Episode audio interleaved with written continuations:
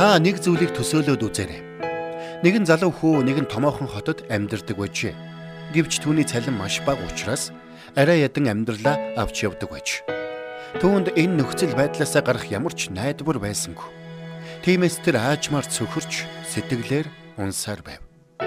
Гэтэл тэр нэгэн өдөр гинэт маш чухал мэдээг хүлээж авсан байна.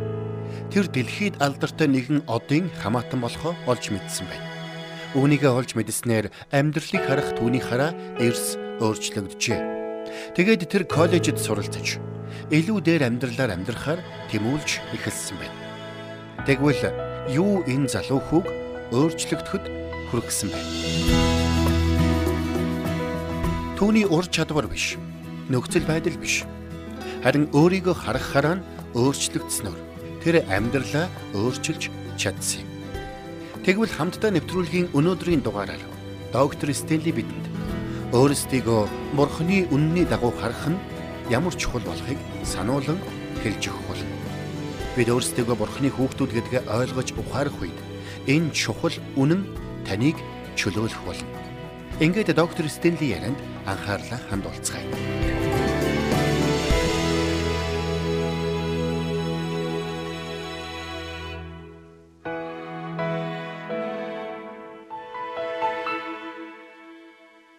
Хамтдаа Иохны 8 дугаар бүлийг гаргацгаая.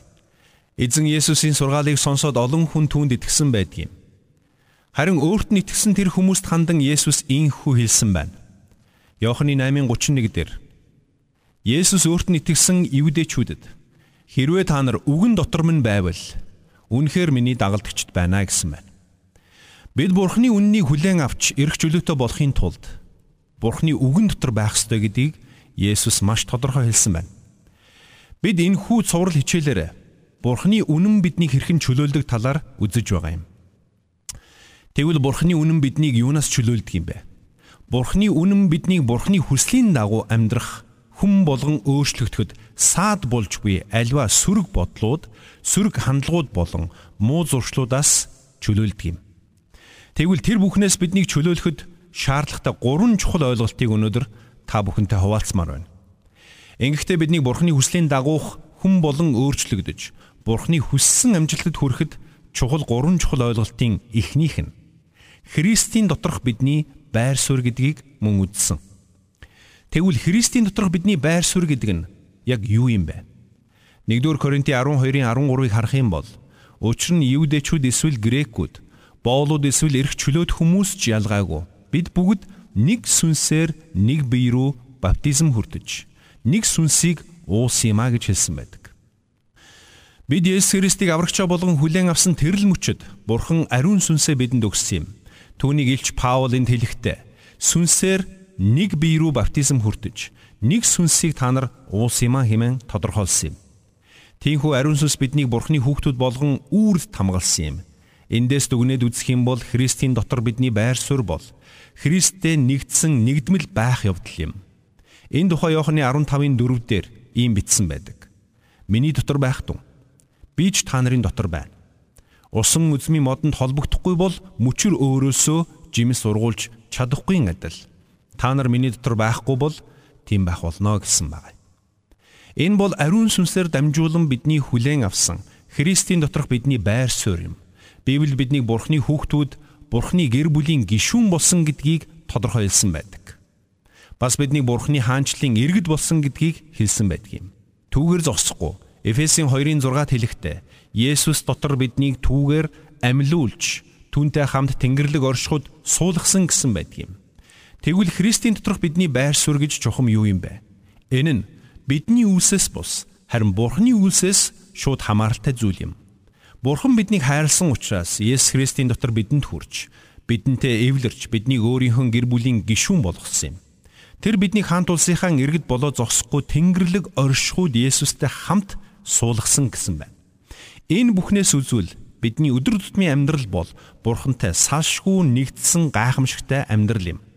Өөрөөр хэлбэл Есүс Христийн доторх бидний байр суурь бол Бурхантай үрд нэгдсэн бидний нэгдмэл байдал юм. Энэ нь яг юу гэсэн үг юм бэ гэвэл бид Бурхантай хамт Христтэй нэгдэж нэг болсон гэсэн үг юм. Тиймээс ч бид Христ дотор Христ бидний дотор байдаг юм. Бурхан бидний хүнийг бүрд Христийн доторх онцгой байр суурийг өгсөн. Тиймээс та нэгэнт Христийн дотор байгаа учраас хэн нэгэн танд хүрэхийн тулд эхлээд Христийг давах ёстой болно гэсэн үг юм. Тиймээс ч дуулын 34-ийн 7-д хэлэхдээ эзний тэнгэрэлч эмэгчдийнх нь эргэн тойронд байж тэднийг чөлөөлнө гэсэн байдаг.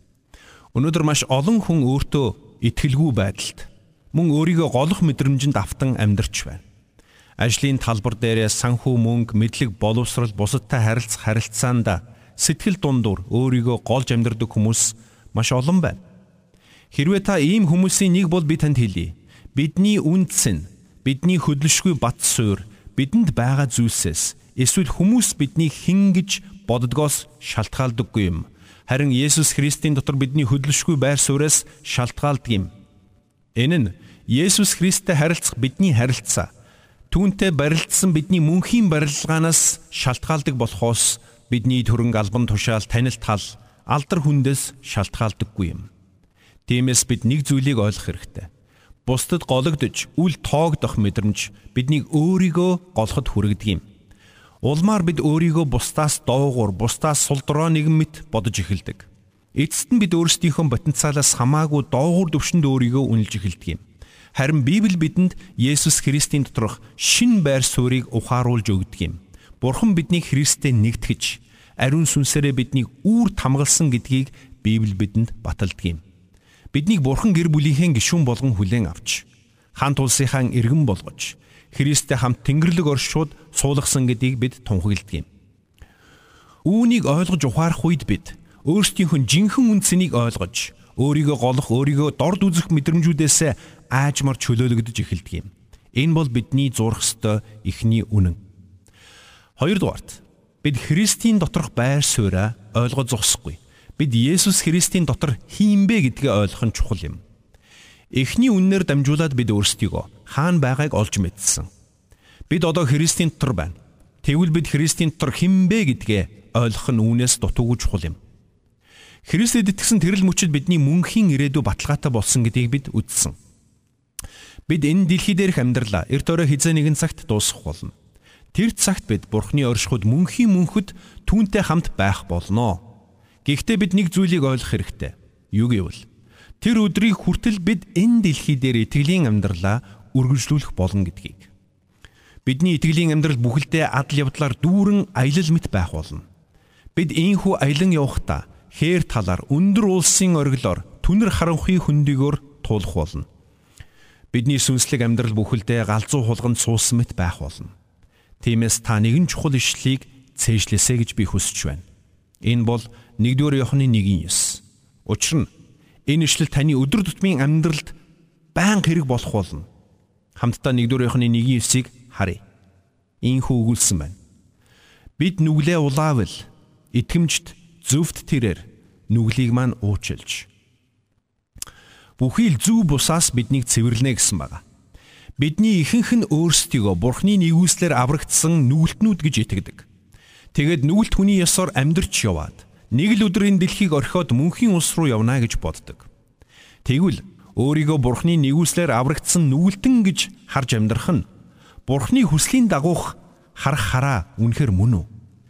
Тийм учраас хамтдаа 1-р Коринтын 1-р бүлгийг гаргаад харъя. Энэ хэсгийг уншиж эхлэхээс өмнө би танаас нэг зүйлийг асуумаар байна.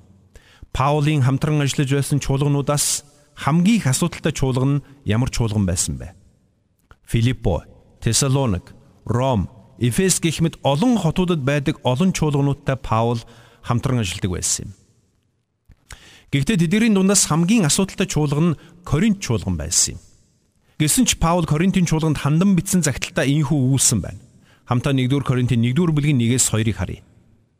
Бурхны хүслээр Есүс Христийн илч байхаар дуудагдсан Паул би болон бидний дүү Состенас Коринт дахь Бурхны чуулган хийгээд хаа сайгүй эзэн Есүс Христийн нэрийг дуудагдчихэд болон ариун хүмүүс байхаар дуудагдсан Есүс Христ дотор ариусгагдсан хүмүүст эзэн бол тэднийх болон биднийх юм гэсэн байна.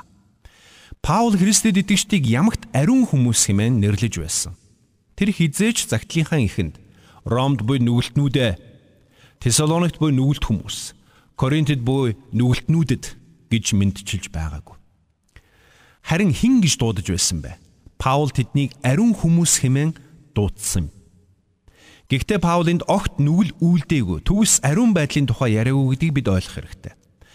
Энэ талаар бид удахгүй тодорхой өгүүлэх болно. Ямар ч тач бурхан элч Паулаар дамжуулаад Христэд итгэгчдийг нүгэлтнүүд бус харин ариун хүмүүс хэмээн дуудсан байдаг юм. Гэтэл бидэнд нэг ийм асуудал гардаг. Нэгдүгürt бид дотроо надад ийм мэдрэмж төрөхгүй байх шүү дээ гэж боддог. Хоёрдугаарт би ариун хүн шиг харагдахгүй байх шүү дээ гэж боддог. Гуравдугаарт би ариун хүн шиг үйлдэл гаргахгүй байх шүү дээ гэж боддог юм. Тэгвэл Паул бидэнд энэ үгийг яг ямар утгаар хэлсэн бэ гэж юу? Тэрээр Коринт дахь ариун хүмүүст гэж хэлэхдээ тэднийг ариун хүмүүс байхаар дуудагдсан гэсэн байна. Гэтэл бидний хувьд нэг асуудал байдаг юм. Бид өөрсдийгөө нүгэлтнүүд гэж хараад сурчсан байдаг. Мэдээж бид энэ дэлхий дээр амьдрах хугацаанд гэм нүгэл үлдэж дуулуургүй сулдраа байдал гарах үе бий. Гэхдээ тэглээгээд өөрсдийгөө нүгэлтнүүд гэж харж амьдраасай гэж бурхан хүсдэггүй юм. Хэрвээ бид өөрсдийгөө нүгэлтнүүд хэмээн харж амьдрахыг бурхан хүсдэг байсан бол Паул загталтаа Ром дахь нүгэлтнүүдэд Коринт дахь нүгэлтнүүдэд гэж бичих байсан шүү. Гэхдээ Паул зарим хүмүүсийг л ариун хүмүүс гэж дуудсан байлгүй дээ гэж та бодож үйж болох юм. Үгүй ээ, тийм биш. Паул чуулганы бүх итгэгчдийг ариун хүмүүс хэмээн нэрлсэн юм. Үүнхээр Есүс Христэд итгэсэн бүхэл хүн нүгэлтэн байхаа болж харин ариун хүн болсон юм. Эсвэргээр Есүс Христийг хүлээж аваагүй хүмүүс гарцаагүй нүгэлтнүүд хിവэрэ байсаар байна. Есүс Христэд итгэх итгэлээр ариун хүмүүс болсон бид хэдийгээр гим нүгэл үлддэг боловч энэ нь биднийг өөрсдийгөө нүгэлтэн гэж харах шалтгаан болж чадахгүй юм. Бид нэг чухал зүйлийг ойлгох хэрэгтэй. Юу вэ гэвэл та бид өөрсдийгөө хэрхэн харж байна. Түүнийхээ дагуу үйлдэл хийж байдаг юм а. Үүнийг юу ч өөрчилж чадахгүй. Таны өнөөдөр хийж буй үйлдэл чинь та өөрийгөө хэн гэж харж байгаатай чинь шууд холбоотой. Тиймээс хэрвээ та өөрийгөө харах харааг өөрчлөх юм бол үүнийг чинь дагаад таны үйлдэл өөрчлөгдөж, улмаар таны амьдралч өөрчлөгдөх болно. Энэ бол маш чухал зарчим. Хүний үйлдэл тэр хүн өөрийгөө хэрхэн харж байгаатай шууд холбоотой байдаг юм. Хэрвээ би тэмцээнд оролцохдоо өөрийгөө өрсөлдөгчөөс дутуу гэж бодох юм бол би тэрл сэтгэлгээнийхэн дагуу үйлдэл гаргах болно. Хэрвээ би өмнө байгаа ажлаа хийж чадахгүй гэж бодох юм бол тэр ажлаасаа хойш сууж өөрийгөө голсоор л байх болно. Хэрв би өөрийгөө гологдсон, буруутгагдсан, сайн сайхныг хүртэх эрхгүй гэж бодсоор байх юм бол би өөр тохиолдсон сайн сайхан боломжуудыг алдсаар л байх болно. Учир нь би өөрийгөө амжилт гаргах эрхгүй, амжилт гарах зохисгүй хүн гэж бодоод байна гэсэн үг. Би одоо амжилт гаргаж байгаа ч удахгүй алдаа гарах нь гарцаагүй гэсэн бодол тээсэр байна гэсэн үг юм. Тиймээс хэрвээ та итгэлийн амьдралдаа би бол нэгүслэр аврагдсан нүгэлтэн би нэгэнт нүгэлтэн учраас гим нүгэл үйлдэх нь гарцаагүй гэсэн бодлыг тээсэр байх юм бол таны амьдрал яг л энэ бодлын дагуу байх болно. Тиймээс ч өнөөдөр маш олон итгэгч дотроо би нүгэл үйлдэхгүйгээр ганц цагч тис чадахгүй гэсэн бодолтой амьдардаг юм. Гэтэл бурхан биднийг өөрсдийгөө нүгэлтнүүд гэж харж амьдраасаа гэж хүсдэггүй. Харин биднийг өөрсдийгөө маш бодтойгоор хараасаа гэж хүсдэг. Хэрвээ бид өөрсдийнхөө үнэн бодит байдлыг үнэхээр олж харж чадах юм бол тэр үнэн биднийг чөлөөлөх болно. Тийм ч учраас Иохны 8:32 дээр тэгээд та нар үннийг ойлгож үнэн та нарыг чөлөөлнө гэсэн байдаг юм штэ. Бид бүгд Бурхны нэгүслийн дагуу хүмүүс болон өөрчлөгдөж түүний хүссэн тэрхүү өндөрлөгт хүрэхийн тулд бидэнд цаад болох альва хүлээснүүдээсээ чөлөөлөгдөөсэй гэж Бурхан хүсдэг юм. Харин Бурхан биднийг хэрхэн харж байгаачлан бид өөрсдийгөө тийхүү харж чадахгүй юм бол бид хизээж Бурхны хүслийн дагуу өөрчлөгдөж Бурхны хүссэн бүхнийг үйлдэж чадахгүй байх болно. Тиймээс Бурхан биднийг хэн гэж дуудсныг та анхааралтай ажиглаарай. Бурхан биднийг ариун хүмүүс хэмээн дуудсан юм. Өөрөөр хэлбэл бид Есүс Христэд итгэсэн тэр мөчөөс эхлэн ариун хүмүүс болсон. Энэ нь юу гэсэн үг вэ? Энэ нь бид ариусгагдан цэвэрлэгдэж Бурханд зориулан тусгаарлагдсан гэсэн үг юм. Өнөөдөр Христэд итгэх итгэлээр дамжуулан Бурханд зориулан тусгаарлагдсан учраас мөн Бурхан ариун сүнсээрээ тэдний амьдралд ариусгалын ажлаа өдөр бүр хийсээр байгаа учраас Христэд итгэвч хүн бүр ариун хүн болсон юм. Тиймээс бурхан биднийг өөртөөгөө адил дүр төрхийн дагуу тасралтгүй өөрчлөн шинчилсээр байна. Тиймээс бид Христийн дотор хинбэ гэсэн асуултын эхний хариулт нь энэ байна. Бид бол Есүс Христийн дотор буй ариун хүмүүс юм. Цааш нь үргэлжлүүлээд 2 дугаар Коринтын 5 дугаар бүлгийг нээцгээе. Энд бидний Христийн дотор хинбэ гэдгийг тодорхой өгүүлсэн байна. Мэдээж та энэ ишлэлийг сайн мэдэх баха. Гэхдээ эндээс нэг чухал санааг хамтдаа олж харцгаая. 2 дугаар Коринтын 5 дугаар бүлгийн 17 18. Тиймээс хэн нэг нь Христ дотор байвал тэрээр шин бүтээл мөн. Харахтун хуучин өнгөрч шин улсан байна. Энэ бүхэн Бурханаас ирдэг бөгөөд тэрээр биднийг Христээр дамжуулан өөртөөгөө эвлэрүүлв. Ийхүү эвлэрлийн үйлчлэлийг бидэнд өгчээ гэсэн байна. Эндээс үзвэл бид Есүс Христээр дамжуулан Бурхантай эвлэрсэн байна. Ингэхдээ бидний бүх гимнүглийг Бурхан үл хэрэгссэн байна. Түүгээр зогсохгүй тэр бидэнд энэхүү эвлэрлийн үйлчлэлийг даалгасан байна. Тэгвэл бидний дээр байсан алдаа зөрчлийг Бурхан яасан байх нь вэ? Тэр бүхнийг Бурхан Христийн дээр тохоод Христтэй хамт загалмад хадсан байна. Тиймээс бид Есүс Христэд итгэсэн тэр мөчөөс бидний бүх гим нүгэл загалмаад хадагдж бид бүгд гим нүглээсээ чөлөөлөгдсөн юм. Тиймээс 2 дугаар Коринтын 5:17-д хэлэхдээ Тиймээс хэн нэг нь Христ дотор байвал тэрээр шин бүтээл мөн харахтун хуучин өнгөрч шин болсон байна гэсэн юм. Эндээс би нэг сонирхолтой зүйлийг танд хэлмээр байна. Есүс Христэд итгэж авралыг авах үед чинь танд юу тохиолдсон бэ? Библиэс харах юм бол та шин сүнсийг хүлээн авч Бурхны ариун сүнс таны дотор нутаглан та цоошин амьдралыг хүлээн авсан байна. Гисэн хэдий ч таны бие махбод өөрчлөгдөөгүй. Таны оюун санаа, хүсэл, зориг, сэтгэл хөдлөл, мүс чанар, ухамсар огт өөрчлөгдөөгүй хിവэрэ байна. Тэгвэл эндээс би нэгэн чухал зүйлийг хэлмээр байна. Бид Христийн дотор хин бэ гэсэн асуултын дагуу бид ярилцж байгаа шүү дээ. Хэрвээ бид Христийн дотор хин бэ гэдгээ ойлговол энэ үнэн биднийг чөлөөлнө гэж бид ярилцсан. Тиймээс Иохны 8:32-т хэлэхдээ Тэгээд та нар үннийг ойлгож үнэн та нарыг чөлөөлнө гэсэн байдаг. Тэгвэл Христийн дотор бид хин бэ гэдэг энэ үнэн бидний гарцаагүй чөлөөлөх болно. Таныг Есүс Христэд итгэсэн тэр мөчөөс Бурхан таныг Христийн дотор цоошин бүтээл болгосон. Гисэн хэдий ч таны хуучин бие махбод өөрчлөгдөөгөх хിവэрэ байна таны оюун санаа хүсэл зориг сэтгэл хөдлөл мөн чанар ухамсар хിവэрэ байна.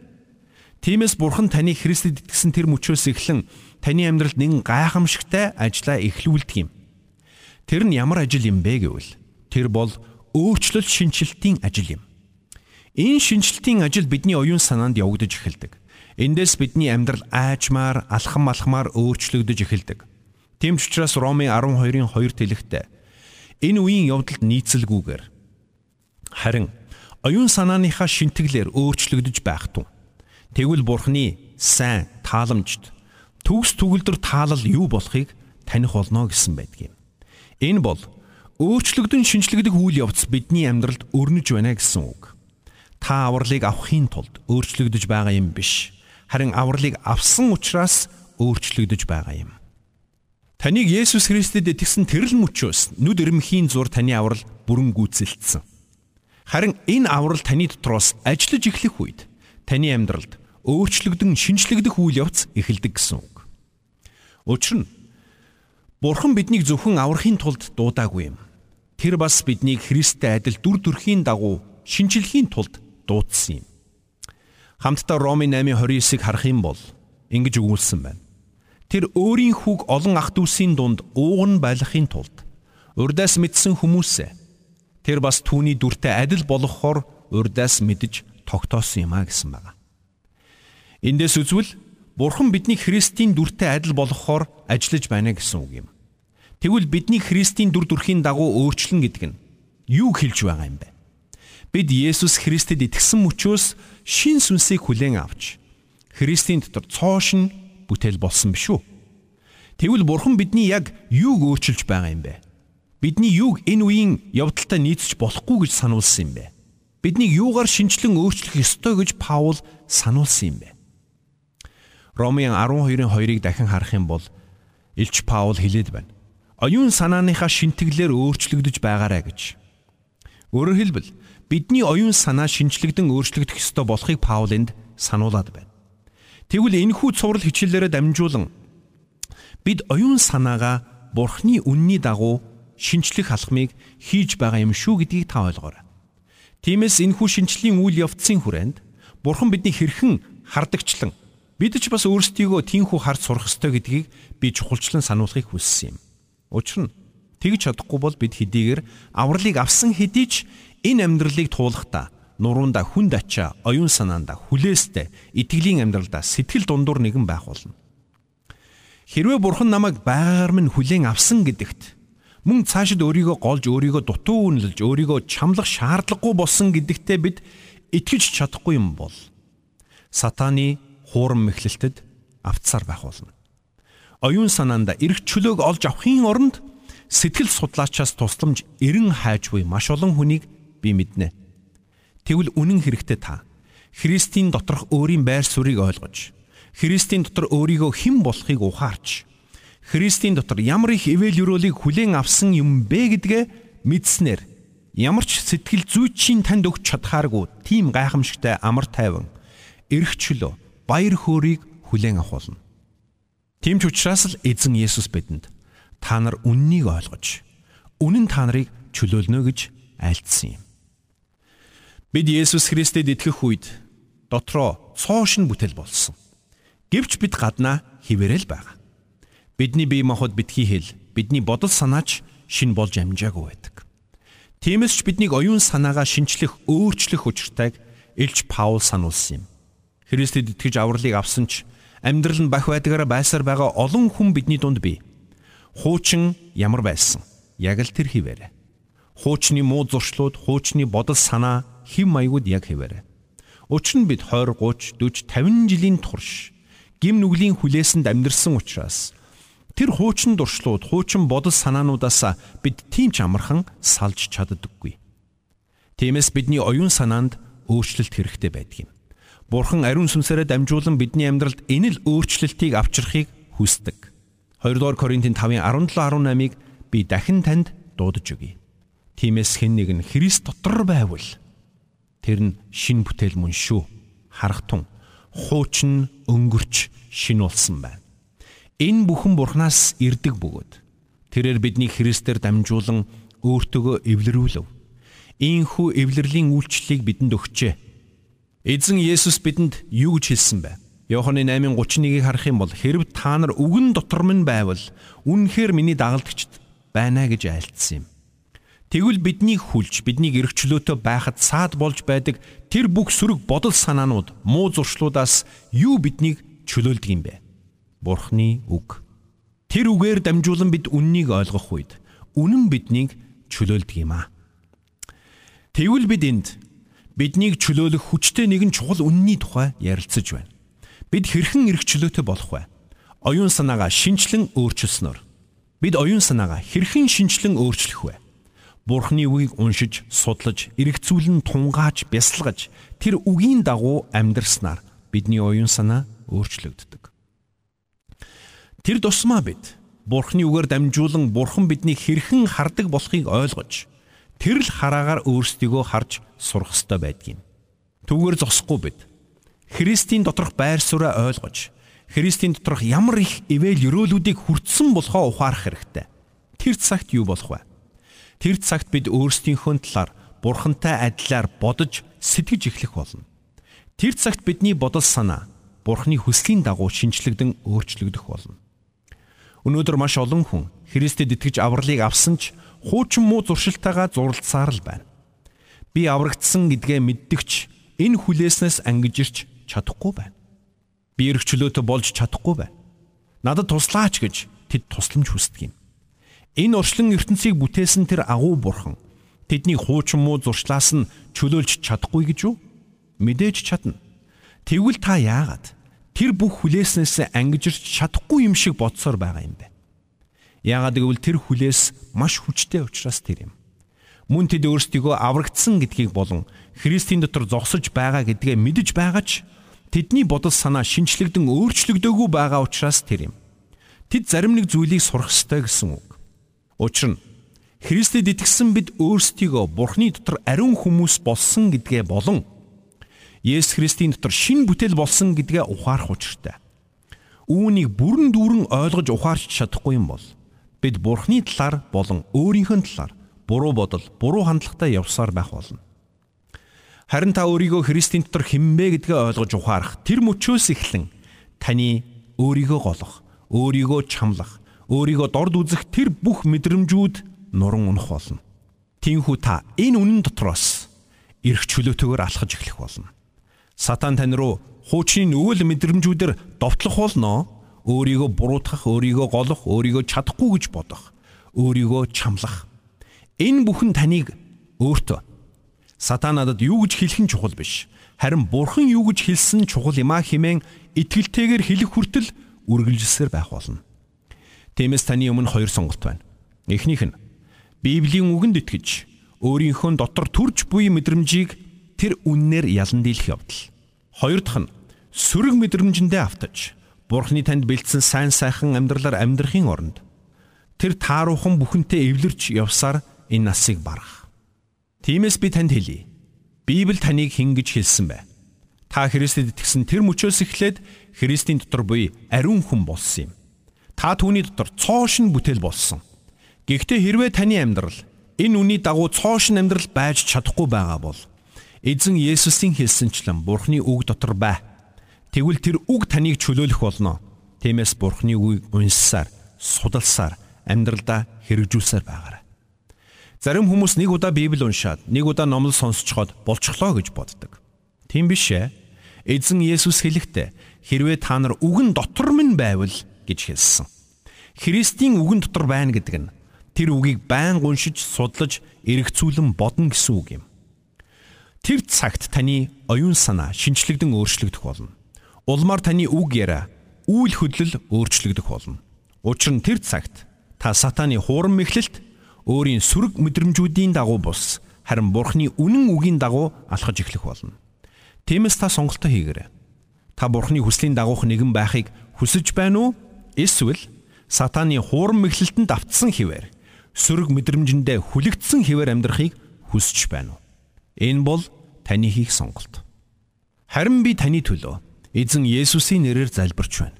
Та сөрөг мэдрэмжүүдээ эсэргүүцэж Бурхны үнэн үгийг хүлээн авах болтугай. Амен. Маш олон Христэд итгэгчид байнгын хүлээсэн дунд амьдардаг шалтгаан нь тэд өөрсдийгөө Бурхны үнний дагуу харж чаддаггүйтэй холбоотой юм. Тэгвэл доктор Стенли өнөөдөр бидэнд Библийн үгсээр дамжуулан нэгэн чухал үннийг илчилж өглөө. Юу гэвэл бид нүгэлтнүүд байхаа нэгэнт болж харин Бурхантай хамтран зүтгэгчд Бурхны элчин сайдууд ариун хүмүүс болсон байна. Бид энэ л чухал үнний дагуу бодол санаагаа шинжлэх үед бидний амьдрал гайхамшигтайгаар өөрчлөгдөх болно. Айдас төгшүүр нь биднийг Христэд итгэх итгэлтэйгээ үл нийцэх үйлдэлүүд рүү түлхэж байдаг ажээ. Тиймээс хамтдаа энэ цагийн төгсгөлд Исая 12-ын 2-оос 6-ад бичигдсэн гайхамшигтай үгсийг эргцүүлэн бодоцгоё. Үзэгтэн. Бурхан бол миний аврал, би итгэнэ. Би үлэн. Эзэн бурхан бол миний хүч, миний доо. Тэр надад аврал болов гэж хэлэх болно. Та нар авралын худгаас баяртайгаар ус татна Тэр өдөр та нар эзэнд талархацгаа.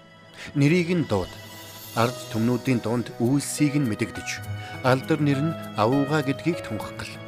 Гайхамшигыг үйлдсэн эзнийг магтан дуул. Газар дэлхий даяар энэ бүхнийг мэдүүл. Сионы оршин суугчтай чанга хашгир нь уухайлцгаа. Та нарын дунд байгаа авууга нь Израилийн ариун нэгэн юм гэж хэлэх болно. Амен.